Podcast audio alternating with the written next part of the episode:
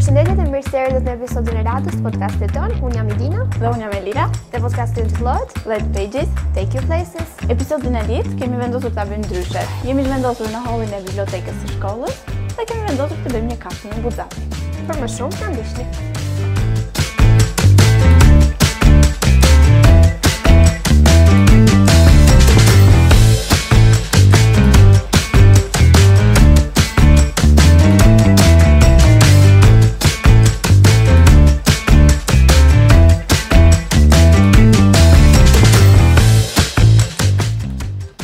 Në kuadër të muajit të letërsisë, ne menduam të sillim një formë të re të përditshmërisë tonë. Kështu që në vend të një kafeje me miq, ne menduam të sillim një kafe me Buxatin.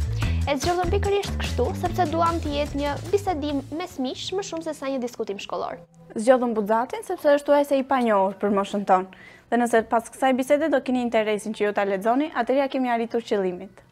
E zgjodhëm Buxatin sepse është ndër të vetmit në mos përfaqësuesi i vetëm i realizmit magjik në Evropë. E zgjodhëm pikërisht sepse alegoria e tij mbetet gjithmonë fantastike dhe aktuale për t'u për t'u analizuar. Dhe pse vepra e tij më e rëndësishme mbetet një roman, Shkretëtira e tartarëve, ai bëhet i njohur me prozën e shkurtër. Dhe ç'është e vërteta, nëse do të hysh në botën e Buxatit, porta e duhur për ta bërë këtë janë tregimet e shkurtra, dhe jo më kot, ne vendosëm të merremi me to. Disa nxënës nga dy maturat A dhe C, si dhe nga klasat e njëmbëdhjeta A dhe B, morën secili prej tyre nga një tregim të Buxatit dhe do të mundohen na flasin për të, duke na futur në botën magjike të Buxatit. Një botë që është si kjo e jona, ose të paktën kështu duket, por që në çdo moment, në çdo hap të ri që hedh, duket sikur do futesh në një dimension tjetër, në një dimension magjik. Në një botë, ku ti si përditë hyn në ashensor për të zbritur në katin e parë, por ashensori zbret e zbret, sikur po shkon në qendër të ferrit. Në një botë ku një vajzë hidhet nga qiellgërvishtësi si vajzë dhe kur bie përplaset në trotuar, përplaset plakë. Ku bisha mitike të vihen pas e të ndjekin deri në fund botës, deri në fund jetës. Pelerina është një nga tregimet më të shkurtra, më të thjeshta, por njëkohësisht dhe më të trishta të Buxatit. Po lëmë vajzat Laura, Grejsi dhe Anxhelin të na futin në botën e Buxatit nëpërmjet këtij tregimi. Atëherë, në qendër të tregimit Kapota qëndron Xhovani, ishte një ushtar i cili ishte kthyer në shtëpi pas disa vitesh luftë. Dhe nëna e tij, normalisht, si çdo nënë, ishte tepër e gëzuar, tepër emocionuar sepse po shihte djalin e saj pas kaq kohësh. Mirëpo, ajo që bie në sy të lexuesve, ajo çka mbetet në mendjen e tyre, është fakti i kapotës, ose pelerinës e thënë ndryshe, që Xhovani e mban të veshur gjatë gjithë kohës. Dhe sado që nëna e tij insistonte, sado vapë e zagushi që bënte, në asnjë çast Xhovani nuk e hoqi atë. Madje, i çuditshëm është dhe fakti se Xhovani gjithashtu na paraqitet dhe me një buzëqeshje të ngrirë, që, që e karakterizon gjatë gjithë tregimit të tij, paçka se duhet ishte tepër i kënaqur për rikthimin në shtëpi. Pra, duket vërtet se Giovanni po fsheh diçka. Mendoj se e hodhi paq, nuk do të merrej vesh gjë, i dha lamtumirën të ëmës dhe të vegjëlve të tij, por nuk ndodhi kështu, sepse një prej të vegjëlve i tërhoqi kapotën dhe u dukën plagët e thella të fshehura nën të.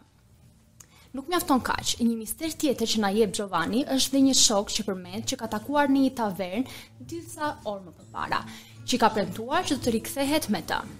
Uh, ishte një shok mund të themi një mik apo një armik i tij, një hije e veshur me të zeza, e cila e priste jashtë kangjellave të oborrit. Por kush ishte kjo hije? Kureshtja shoqëron këtë tregim deri në fund, kjo hije e zezë ishte vetë vdekja. Duket sikur Giovanni ka bërë një marrëveshje me vdekjen për të takuar familjen e tij për herë të fundit. Në fund të pjesës mund të na lindin disa pyetje. Po përse vallë vdekja u tregua kaq zemërgjerë dhe lejon Giovannin të takojë familjen e tij për herë të fundit? Ishte ky gjest në formë paqe nga ana e saj, shumë misterioze. Një dilemë paradoksale duke na lënë në pezull. Tek tregimi Kapota, është e rëndësishme të theksojmë se si dy botë të ndryshme, ajo e jetës dhe ajo e vdekjes, bëhen një e vetme. Dhe këtë autori e realizon nëpërmjet elementit fantastik dhe elementit të misterit. Kapota, dhimbja që ndjen nëna, plagët e Giovannit, hija e vdekjes, të gjitha këto elemente na bëjnë edhe ne lexuesit pjesë të tregimit, duke ndjerë emocionet dhe dhimbjet e personazheve. Pra, ashtu siç e vëmë re, ajo çka na shoqëron gjatë gjithë tregimit është dashuria për familjen. Nëse Giovanni nuk do të shkonte dhe t'u jepte lamtumirën e fundit njerëzve të tij të zemrës, atëherë shpirti i tij nuk do të gjente paqe.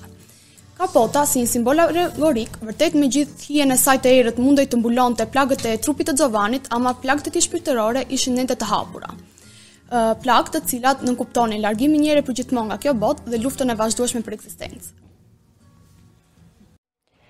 Buzati, të bën ta ndjesh në palcë dhimbjen e pakufishme të nënës, por edhe figura e errët që rri e pret të birin aty matanë rrugës, të rrëqeth dhe njëkohësisht në një mënyrë misterioze të tërheq. Në tregimet e Buzatit, njeriu kërcënohet dhe rend gjithë jetën pas bishave mitike dhe rreziqeve të mbinatyrshme.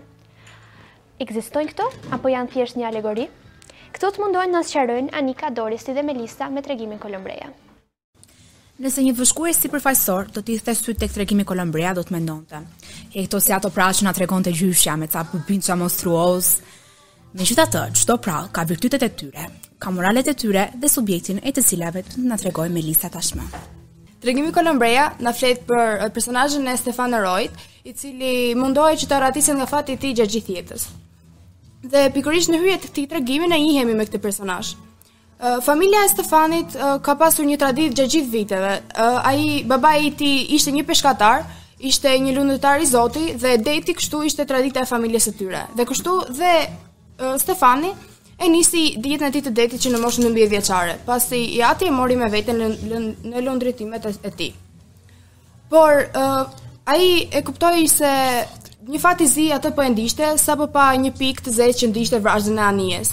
Gjithçka filloi kur uh, i ati kupton se uh, ai ishte në fakt një përbindësh, ishte Kolombreja, një përbindësh që mendonte dhe fliste, një peshkaqen i tmerrshëm që dihej nga thashethemet e të gjithëve se e ndiqte viktimën e tij deri në fund të jetës, derisa ai të arrinte ta përpinte këtë. Në këto momente, ashtu si çdo prind do të bënte me fëmijën e tij për sigurinë e Stefanos, ai e largon atë nga jeta e detit dhe e dërgon larg, larg tij. Kështu ai fillon një jetë që nuk e donte, një jetë të pakuptimtë, pasi deti ishte gjithçka për të dhe jeta dhe lufta me të ishte thelbi kryesor i jetës së tij. Kështu, prandaj pas shumë vitesh, ai vendos një qëllim vetes që duhet ta zbulonte këtë sekret, të zbulonte sekretin e Kolombres dhe gjithashtu të ballafaqohej me fatin dhe me frikën e tij. Në këto momente, ashtu si se vetë Stefanoja që ishte në një frikë të madhe, ashtu dhe vetë ne lexuesit prisnim që ky përbindësh ta merrte, ta gllabëronte dhe ta çonte në fundet e errët të detit, Por ndodhi krejt e kundërta. Ë uh, Stefanoja mori vesh që Kolombreja në fakt ishte fati i mirë i tij. Ai donte që t'i uh, t'i jepte perlën e detit, e cila ishte një dhuratë. Në tregim na citohet: "Dhe peshkaqeni nxori gjuhën, duke i dhënë kapedanit plak një rruzull të vogël shkëndijues. Stefani e mori në dorë dhe e pa. Ishte një perlë shumë e madhe, e njohu. Ishte perla e detit, e cila atij që e ka i jep fat, fuqi, dashuri dhe paqe shpirtërore. Pas dy muajsh, një lundër e shtyrë nga valët qëndroi në një shkëmb të thiktë. E panë disa peshkatarë, të cilët shtyrë nga kureshtja u afruan. Brenda lundrës qëndronte ndenjur një skelet i bardhë. Në mes të eshtrave të gishtave, ai shtrëngonte një gur të bardhë, të rrumbullakët, të shndritshëm si yll. Por tani ishte shumë vonë për Stefanon. Ashtu siç thotë dhe vetë autori jonë, ngasja e humnerës kishte qenë për të më e bukur se jeta në bollëk dhe e qetë. Pra njeriu përballet në jetën e tij me momente sa të thjeshta aq edhe sfiduese. Dhe se sa ne do arrijmë që t'i bëjmë ballë fatit, pra të përballemi me fatit, varet më nga natyra jonë luftarake këmbëngulëse si dhe nga durimi i gjithkujt. Më thoni ju, në qoftë se do të kishit parë ndonjë peshkaqen monstruos me ato përmasa gjigante, të zi porsi nata, jo që do t'ju kishte vajtur mendja për ndonjë perlë, po do t'ia kishit mbathur me të katërta. Pikërisht pra ne përqendrohemi tek për tek vizualiteti i frymorëve a jofrymorëve, duke paragjykuar pa vetëdije apo me vetëdije. E nga ana tjetër, ai Kolombreja pasqyron atë joshjen tonë ndaj të rrezikshmes, ndaj të panjohurës, që na na shoqëron secilin prej nesh gjatë gjithë jetës. E njëkohësisht kemi perlën, që përmban atë paqen shpirtërore, qetësinë, lumturinë e përjetshme. Dhe ajo arrihet vetëm në qoftë se ne nuk i bëjmë bisht fatit, por përballemi me të. Unë kam menduar ta paraqes kolombrenë në një këndvështrim tjetër. Mendoj se simbolika e kolombresë në vend të një parashute tregon nxitjen e vullnetit tek Stefani, ai vullnet që mundësoi të gjitha udhëtimet në det. Kolombrea arriti që Stefani të mbyste frikën dhe të luftonte për atë që ai vërtet donte. Kur shikojmë vendosmërinë e Stefanit, shpesh e vërejmë edhe që ai është në një stuhi mendimesh apo dyzimi. Mendoj se dyzimi brenda nesh na bën që ne të luftojmë për idealin tonë, pavarësisht kolombreve që mund të na ndjekin në jetë. Të luftojmë për atë që duam, pavarësisht siç luftoi Stefani për detin, pa e ditur se çfarë do ta priste më vonë. Jetë e humbur kot. Jetë që të ikën si pa e marrë vesh se nuk kupton rëndësinë apo harron të shijosh momentet e vogla të saj. Si te tregimi, ditët e humbura që do ta dëgjojmë të lexuar nga Sara. Disa ditë pasi u bë pronar i një vile luksoze, Ernest Kacira, ndërsa kthehej në shtëpi, vuri re një burrë me një arkë mbi shpinë, i cili doli nga dera e murit rrethues dhe e ngarkoi arkën në një kamion. Nuk pati kohë ta kapte para se të nisej, prandaj e ndoqi me makinë. Kamioni eci një copë kohe të gjatë deri në fund të rrethinave të qytetit dhe qëndroi buzë një lugine. Kacira zbriti nga vetura dhe u afrua për të parë se ç'bëhej. I panjohuri e shkarkoi arkën dhe pasi bëri disa hapa, e hodhi në shtratin e një përroi të mbushur, plot e përplot me mijëra e mijëra arka të tilla. Iu qas burrit dhe i tha: "Të pashë që nxore një arkë nga kopshti im." Çfarë ka brenda saj? Pastaj, ç'janë gjithë këto arka? Tjetri e shikoi buzagas. Në kamion kam plot të tjera që duhen hedhur. Ju nuk e dini ç'janë këto? Janë ditët. Ditët? Po, ditët tuaja. Ditët e mia? Ditët tuaja të humbura. Nuk i prisnit ato, apo jo? Ja ku erdhën. Shikoji ku janë. Të paprekura, të plota. Tani Kacira i shikoi, kishte një sasi të madhe, zbriti poshtë dhe hapi njërën. Brenda ishte një rrugë vjeshtore dhe në fund ishte Graciela që po largohej përgjithmonë. Atij as që i kujtohej ajo. Hapi një tjetër, një dhomë spitali. Në shtrat dërgjej Xhosua, vëllai i tij i sëmurë, i cili e priste. Po ai atë kohë ishte duke udhëtuar për çështje pune. Hapi një të tretë. Pas shufrave të hekurta, atje tek shtëpia e vjetër shkataraqe, rrinte Duku, qeni besnik, i cili e priste që prej dy vjetësh. Kafsha ishte e tretur e bërë kockë e lëkurë, kurse ai as që mendonte të shkonte tek ajo. Iu duk se diçka, si një punë ngërçi, po ia shtrëngonte grykën e stomakut. Transportuesi rrinte në këmbë buzë luginës, i heshtur, i shtangur si xhelat. Zotëri, thirri Kacira, më dëgjoni, më jep leje të marr të paktën këto tri ditë, të lutem shumë, të paktën këto tri ditë, unë kam të holla, ju paguaj sa të doni. Bartësi bëri një lëvizje me dorën e djathtë për të treguar diçka që nuk mbërrihej dot dhe për të thënë se tani s'mund të bënte gjë. Ishte shumë vonë. Pastaj, u zhduk në ajër dhe në të njëjtën kohë u zhduk edhe grumbulli i stërmadh i arkave misterioze. Pas pak, zbriti errësira e natës.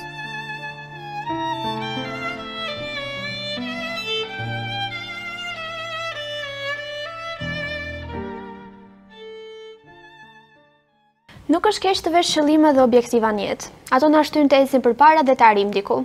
Por e keqja është kur fokusohemi aq shumë pas tyre, sa arrijmë të sa harrojmë të jetojmë të përditshmen. Tregimi Tren pa ndalesa, besoj se përcjell artistikisht diçka të tillë. Por për më gjërë do të na flasin Nelsi, Sonja dhe Sindi. Po. Atëherë tregimin e nis me prezantimin e personazhit kryesor, i cili është një djalosh që me qëllim nuk i vihet emri për shkak se ai supozohet që të na përfaqësojë të gjithë ne si lexues. Ë tregimi na vazhdon me rrugëtimin e këtij djaloshi drejt trenit, i cili ka një kuptim alegorik për rrugëtimin e njeriut drejt jetës. Gjatë rrugëtimit të djaloshit drejt trenit, atij i duhet të bëjë sakrifica të ndryshme duke përfshirë familjen, dashurinë, lumturinë dhe kënaqësinë, të cilat ai vazhdimisht i, i justifikon në mënyra të ndryshme. Dhe shikojmë në pikën më kulmore të te, të tekstit ku atij duhet që të lërë nënën dhe të vazhdojë. Ai atje në këtë moment e ndihet i ndihet i konfliktuar edhe është gati që të lërë çdo gjë tjetër edhe të rrijë me nënën e tij, por nëna është ajo që e shtyn dhe i thotë që dhe s'ka gjë mund të vazhdosh rrugën tënde, sepse ti ke një rrugë të ndritur përpara. Edhe ai këtë bën, edhe kjo përfaqëson rrugëtimin e njeriut për drejt ndjekjes së lumturisë dhe kënaqësisë. Ky tregim shprehet si alegori ose metaforë e jetës së një personi. Personazhi kryesor niset në një udhëtim me tren ku secili stacion përfaqëson një ngjarje gjatë jetës së tij. Treni përfaqëson jetën e cila gjithmonë është në, në lëvizje me shpejtësi të ndryshme, shpejtësia dhe entuzi edhe vrullshmëria e trenit përfaqëson entuziazmin e personazhit kryesor për të arritur qëllimet e tij gjatë jetës, por shohim që treni sa vjen dhe ngadalësohet, duke bërë që personazhi të mos arrijë asnjë nga qëllimet e tij. për shkak se gjithmonë e ka mendjen për të ndjekur trenin e jetës dhe jo për të ndaluar dhe për të uh, shijuar momentet e bukura të saj. Rozana, një personazh në stacionin e dytë, na uh, tregon uh, për dashurinë e cila për shkak të ngadalësive të jetës uh, humbet. Tren pa ndalesa është një tregim i cili ka disa mesazhe që mund të jenë sa sipërfaqësore, po aq edhe të thelluara.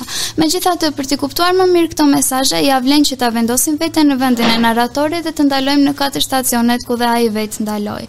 Tek puna, dashuria, argëtimi dhe familja. Në qoftë se ne ndalojmë në këto katër stacione, ne do të kuptojmë diçka, që nuk duhet të kapemi pas vrullit të jetës, por të shijojmë të katër stacionet në mënyrën të cilat ato duhet të shijohen. Për sa i përket punës, ne duhet të dimë dhe të kemi të qartë që puna kërkon një ekuilibër midis kohës, punës dhe jetës personale. Në këtë mënyrë ne do të kemi një lloj harmonie dhe paqeje të brendshme dhe gjithashtu një lumturi. E për sa i përket lumturisë, lumturia është gjithashtu një kyç apo një çelës, i cili do të arrihet me anën e dashurisë dhe të argëtimit. Në qoftë se ne i shtrëngojmë këto fort dhe e kuptojmë se ato janë esenciale për jetën tonë, atëherë do të jemi më të lumtur. dhe gjithashtu tek familja e cila është stacioni i fundit dhe gjithashtu një nga stacionet më të rëndësishme të jetës, ne do të kuptojmë se duhet t'i vlerësojmë të dashurit tanë për aq kohë sa i kemi ata pranë dhe t'i vlerësojmë uh, edhe dashurinë që ata na falin dhe t'i japim atyre dashurinë nga ana tjetër. Uh, narratori në fund të tregimit na tregohet në një tren i cili vazhdon që të ecë dhe ai është në një lloj dileme. Ai nuk e di se ku është destinacioni dhe se kur ky destinacion do të arrihet. Dhe kështu ai citon dhe i thërret makinistit. Jepi atëherë o zoti makinist, jepi tërbimthi nëpër natë, po aman, veç mos e lësho veten, mos lër të të rrëmbejë gjumi, kush e di, ndofta nesër arrijmë. Buxati jeton në kohën kur në Itali fashizmi sa vjen dhe merr pak nga pak fuqinë. Njësoj si çdo e keqe, as ai nuk do të kishte ardhur po ta kishin ndalur që në fillim, që kur ishte i vogël, që në ide. Si te tregimi Minjtë, kur banorëve iu duket e kotë vërtitja e ca miushve nëpër koridoret e shtëpisë. Pastaj, kur këta rriten dhe shumohen, sepse nuk i vranë që në fillim, banorët kanë frikë ta shohin në sy gabimin që kanë bërë dhe shtiren sikur s'ka ndodhur asgjë. Derisa në fund, shndërrohen në skllevër të lukunisë së minjve, sepse është shumë vonë tashmë. E keqja është aq e madhe sa nuk mund të mposhtet më. E keqja dhe përballja me të është një nga alegoritë më të preferuara të Buxatit. Kejsi, Tedi dhe Mikaeli do të na i zbulojnë këtë në tregimin 7 kate. Përshëndetje të gjithëve. Tregimi që ne kemi përzgjedhur titullohet 7 kate. Një ngjarje sa jetësore dhe tepër e zakonshme na kthehet befas në një ngjarje tepër turbulluese dhe dramatike dhe me një fund tepër tragjik. Si fillim, veprimi i parë që unë personalisht bëj kur marr një vepër në dorë është të shikoj titullin dhe të arrij të kuptoj subjektin ose ngjarjen e gjithë tregimit nëpërmjet titullit. Titulli pra 7 kate nuk na tregon se kemi të bëjmë thjesht me një ndërtesë me 7 kate, por na tregon se ngjarja do të zhvillohet ose do të kalojnë në këto 7 kate të kësaj ndërtese. 7 kate. Një burrë i quajtur Giuseppe Korte pranohet në një spital i cili do të kuronte sëmundjen e tij. Mirëpo, atje ai zbulon se e spitali ishte i ndarë sipas një sistemi unik, ku të sëmurët me simptoma të lehta siç ishin dhe ato të kortes, kuroheshin në katin e shtatë, ndërsa kufomat e gjalla strehoheshin ose më saktë izoloheshin në katin e parë, pra në atë të fundit. Ë, si pas si pasojë e disa ngarkesa e ngatërresave, e, fatit të keq të kortes, ai shtyhet gjithnjë e më shumë të hedhë hapa mbrapa, Pra fillon pak e nga pak duke zbritur secilin kat të spitalit, derisa e, gje, e, derisa e gjen veten në fatalitetin e tij, pra e gjen aty ku ai nuk donte vërtet shkonte në katin e fundit. Tani që shpjeguam edhe subjektin e ngjarjes, më do të hyjmë pak më në thellësi. Gjëja e parë që ne shikojmë brenda tregimit është e jashtëzakonshme, e cila nuk vjen si nga një fuqi e padukshme dhe jo reale, por nga vetë situata në të cilën ndodhet personazhi kryesor, pra Giuseppe. Kjo e zak e jashtëzakonshme nuk vjen nga diçka jo reale ose element fantastik, por nga si nga loja fantastike e mjekëve, ashtu edhe nga sëmundja e Giuseppes, e cila sa vjen dhe përparon. Në fakt, reagimet e Kortes, teksa ai zbret nga njëri kat tek tjetri, tregon të metat e natyrës njerëzore. pasi këtë mund ta shikojmë dhe te doktorët, të cilët e lidhin shpesh herë gjendjen e tij fizike të përkeqësuar me gjendjen e tij emocionale, duke i thënë se ai do të ishte më i shëndetshëm nëse ai do të ishte më i lumtur. Duhet të marrim parasysh se sepse historia është goxha uh, alegorike. Korte nuk karakterizohet, ne nuk dimë asgjë për jetën e tij dhe madje as emrin e sëmundjes së tij, duke e bërë Korte një personazh të thjeshtë, si unë, si ju, si secili prej nesh. Më pas kuptojmë se dritarja e tij simbolizon lidhjen e tij me botën e jashtme dhe kati 7 simbolizon të jetën dhe shëndetin. Elementi i risisë në kompozicionin e këtij tregimi është konceptimi i spitalit, ku në katin e 7 ndodhen pacientët të cilët kanë shumë pak nevojë për kujdes mjekësor, e ndërsa në katin e parë janë pacientët në grahmat e fundit të jetës. Shkurt, me rritjen e ose përparimin e sëmundjes, ulet zhvendoset një kat më poshtë pacienti ose ulet. Kuptimi tjetër i figurshëm është që me përparimin edhe rritjen e sëmundjes, pacienti afrohet më shumë me tokën derisa të varroset. Pra, kati i fundit përfaqëson vdekjen, dhe zbritja ndër kate për mua mund të shihet si një metaforë për udhëtimin e jetës, ku çdo kat përfaqëson një fazë të re të jetës së një personi apo apo një aspekt të psikikës njerëzore. Luftimi që kryhet mes pacientit dhe vdekjes, e gjitha ndodh në hapësirë jo në, në vendin mes 7 kateve. Kjo pse, pse numri 7? Ndoshta është një argument i im, diçka personale, sepse ka marrë Zoti krijoi tokën për 6 ditë, pra punoi. Ashtu si dhe puna simbolizon pacientin i cili lufton kundër vdekjes. Dhe ditën e 7 Zoti pushoi, pra pacienti prehet. takon vdekjen. Imposhtet nga vdekja. Me sa duket, këtu shohim edhe ndikimin e një autori shumë të njohur për të gjithë ne, i cili është Franz Kafka. Ato të, kjo gjë dallohet tek temat e trajtuara tek tekstet e Buzatit, duke marrë parasysh temën e parë, e cila është izolimi, ku tek pas çdo kati që ai zbret, ai shkëputet sa më shumë nga bota reale Dhe deri në katë tek katën e fundit, ku ai është tashmë i pamundur të reagojë apo të ndërveprojë me njerëzit e tjerë. Dhe frikën dhe ankthin që e shoqërojnë atë tek secili kat që ai kalon, pasi si secili prej nesh, edhe ai është i frikësuar për të arritur deri tek katën e fundit që simbolizonte vdekjen e tij. Spitali është një spirale Ku ai futet i gjallë plot shpresa, por fatkeqësisht nuk del më. Ky tregim karakterizohet nga suspansa, aftësia që ka autori për të për na për të na futur brenda personazhit dhe nga loja e bukur që kryejnë mjekët, aftësia e tyre fantastike oratorike për të mos u treguar ose për të mos u thënë asgjë pacientëve në lidhje me sëmundjen ose me gjendjen e tyre.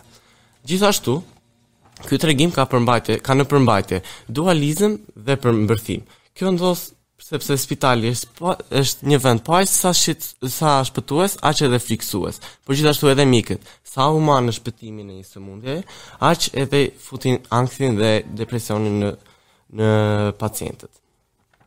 Gjithashtu, emocionet sa vijnë edhe shtohen dhe ty si lexues të jepet dëshira për t'u futur brenda në tregim dhe të ndalosh gjithçka që po ndodh. Dhe element shumë i veçantë është që vdekja kur vjen nuk bën asnjë lloj zhurme Ndoshta vetëm një shumë të vogël fare e cila është e nënkuptuar. Kjo tregon se kjo histori është më shumë se imazhi i një natyre njerëzore, një tregim ku protagonisti nuk e kupton gabimin e tij, dhe gjithashtu lexuesi derisa e kupton se është shumë vonë. Në momentin që ne marrim një hap mbrapa dhe e pranojmë të keqen, ta dimë se nuk ka më kthim pas drejt jetës normale.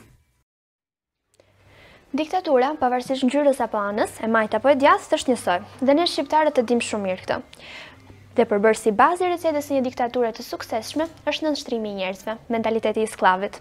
Dëgjoni një fragment nga tregimet Malet e ndaluara, lexuar nga Anja. Me ligj është e ndaluar të merresh me malet, as të ngjitesh në to, as të flasësh për to, e mundësisht as mos i hedhësh sytë fare. Mundësisht. Kështu thotë ligjvënësi. Duke nënkuptuar që ky është një mëtim i tepërt. Ato janë gjithnjë mbi qytet, në anën veriore, ditë e natë, shkëlqejnë. Kur vjen ndonjë i huaj, e na pyet, më falni, a ish mali Mezola? Ajo është kreshta e Lorës? Ne, me sytë për tokë, i përgjigjemi me një buzëqeshje të njerëzishme. Na falni zotëri, po nuk e dimë, dhe hedhim sytë përreth, mos ndodhet aty rrotull ndonjë spiun. Tani, kemi vendosur të mos i shikojmë. Me pak vullnet të mirë, mund të mësohesh që të mos ua prishësh qejfin qeveritarëve tanë. Tani ato për ne sikur nuk ekzistojnë dhe janë të përjashtuara nga ngjarjet e përditshme të jetës. Megjithatë, nganjëherë pa dashje u hedhim ndonjë shikim kalimtar, po shpejt i ulim sytë për t'u treguar të matur dhe mundohemi t'i harrojmë. Kush e di, A janë të kthjellta, të mbuluara me re, të veshura me borë apo të djegura nga dielli? Nuk duam ta dimë, sepse kemi nderim të madh për ligjet, të cilat ne nuk i kuptojmë, por që patjetër janë hartuar për të mirën tonë dhe të fëmijëve tanë. Ndokush, për shkaqe të ndryshme, që nuk kanë lidhje me ndalimin, i ka mbyllur dritaret e kthyera nga veriu, që mos ndiejë ngasje. Tani ai jeton më i qetë, Madje e marrin si shembull. Një nga një, tarracat e hapura drejt veriut vijnë duke u mbyllur. Fëmijët luajnë në dhomat e errëta, përplasen në cepat e rafteve e herë pas here qajnë nga dhimbja.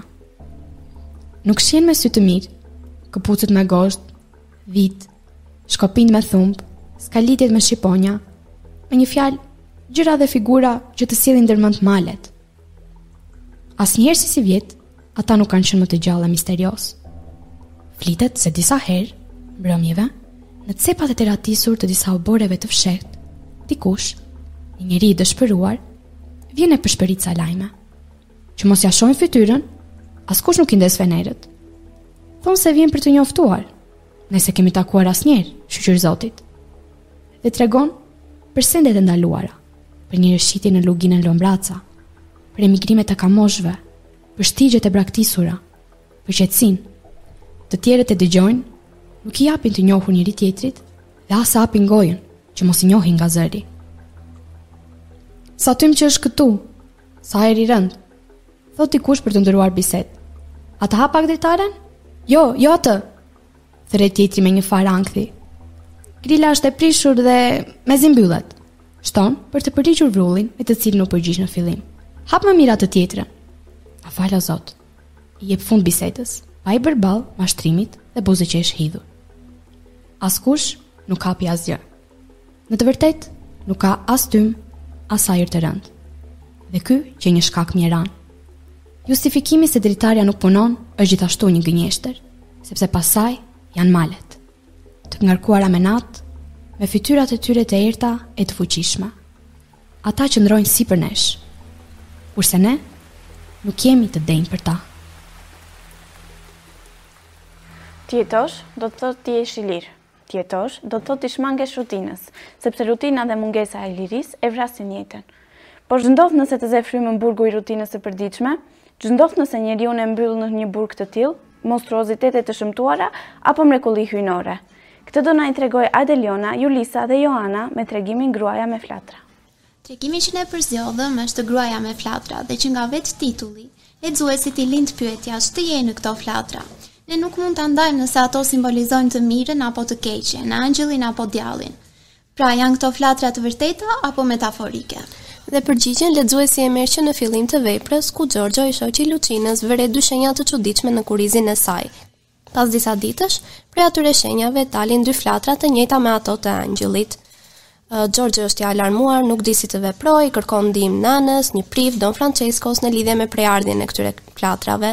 Dhe ndërkohë i udhëhequr nga frika, nga turpi, për shkak të një mentaliteti tepër provincial, vendos ta mbyllë Luçinën në shtëpi njësoj si në një burg. Duket këtu dhe mbështetja që një familje mund t'i japë një personi në momente të vështira si ky. Luçina, e mërzitur me këtë jetë burgu, vendos të dalë të fluturojë fshehur të shoqit dhe këtë gjë e përsërit disa herë derisa një ditë takon dhe gjahtarin Massimo Laureta. Mund të themi se përqafimi që ai i dha ndoshta është dhe arsyeja që flatrat e saj u zhdukën. Pra mund të themi se flatrat e kishin përmbushur misionin e tyre, ndaj dhe ndoshta u zhdukën. Megjithatë, ne në tregim pamë plot alegori dhe plot simbolika të ndryshme. Kjo është e vërtetë. Tregimi është i pasur me simbolika të larmishme, por kam vendosur të ndalem pikërisht tek flatrat, pasi ato i shikoj si një simbol i lirisë të njeriut, i nevojës të njeriut për të eksploruar, për të për të mësuar dhe për të lëvruar vetë individualitetin e vet. lidhje me figurën e gruas se na shfaqet sa e brishtë aq edhe e fortë, sepse në fund të fundit ishte vetë Luçina ajo që mundësoi zhvillimin e flatrave. Një tjetër pikë interesante ku mund të ndalemi në tregim është pikërisht mbyllja me fjalët e Don Franceskos. Ishe me fat se takove djallin në momentin e duhur. A nuk ishte Don Franceskoja prifti i familjes që ndihmoi në prejardhjen e flatrave? Po, kjo është e vërtetë. Pra, lexuesi ndalet dhe mendon, çfarë mund të nënkuptonte Don Françeskoja me djallin? Mos ndoshta djalli kishte të bënte me pikërisht krahët e lirisë, ku në skripturat fetare liria e gruas merrej si një konvencion tabu? Apo mbase kjo kishte të bënte me një tradhti nga ana e Luçinës, pasi dimë se flatrat u zhdukën në momentin kur ajo u përqafua me Massimon. Në fund të fundit, Luçina nuk u martua me dashuri me Gjorgjon, dhe nga kjo nxjerrim dhe një mesazh aktual. Po, ne pamë që ne nuk duhet të biem pre e prangave që na vendos shoqëria, madje edhe familja, për të mos qenë të lira, për të mos patur eksperienca. Kur flas për ne, flas për të gjitha vajzat. Të mos biem pre dhe të mos lejojmë të tjerë të bëhen një pengesë për rrjedhën e fatit tonë. Dhe mos e çojmë situatën deri në atë pikë sa të na shpalosen flatrat. Shpresojmë që të kemi hapur disa porta të botës së Buxatit dhe t'ju kemi zgjuar interesin për t'u futur në të. Falenderojmë për idenë e kësaj kafeje profesore Elenën, profesore Zarin dhe profesor Gertin. Falenderojmë nxënësit që na treguan rrugën për të kuptuar dhe shijuar tregimet e Buxatit. Falenderojmë Ilik, Ilinën, Aleksin dhe Kostandinin për mbulimin teknik dhe veshjen muzikore. Falenderojmë Anjën, Sarën dhe Saviolin për leximet e tregimeve. Unë jam Idina. Unë jam Elira dhe duke pirë gllënjkat e fundit të kafesë apo të çajit që janë kanë mbetur nëpër gota, le të dëgjojmë Saviolin me tregimin e fundit Shtëpia ideale. Po të isha shumë i pasur, do ndërtoja një shtëpi kështu. Një paradhomë shumë të vogël, një korridor të ngushtë, një dhomë ndenjeje të mjerueshme, një dhomë gjumi të shkretë, mobilie të varfra e të zhveshura, ca tablo, qilima asnjë, perde, hiç fare. Llamba të zbehta e të bezdisshme. Atmosferë e përgjithshme pare atje. Për sa i përket banjës, ama, banjën do ta bëja të paktën 40 metra katror. Edhe aty mermer, majolika, çezma të zhndritshme, llambadar ngadhënjyes, pasqyra pa mbarim e të lëmuara, tapete të butë prej sfungjeri me ngjyra delikate, sërë e sërë parfumesh të rralla e tepër të shtrenjta, letra higjienike të buta si një psherëtimë. Shishka e spërkatës të çdo lloji, gramafon stereofonik me disqe madhështore, me një fjalë, luks i shfrenuar, hapësirë e tepërt, ëndje për t'u vërtitur lart e poshtë lakuriq, mbase edhe me vrap. Pse arkitektët e ditur nuk ndërtojnë shtëpi të tilla? Është lehtë të durohet mjerimi, kur mund të dhjesësh si zotëri.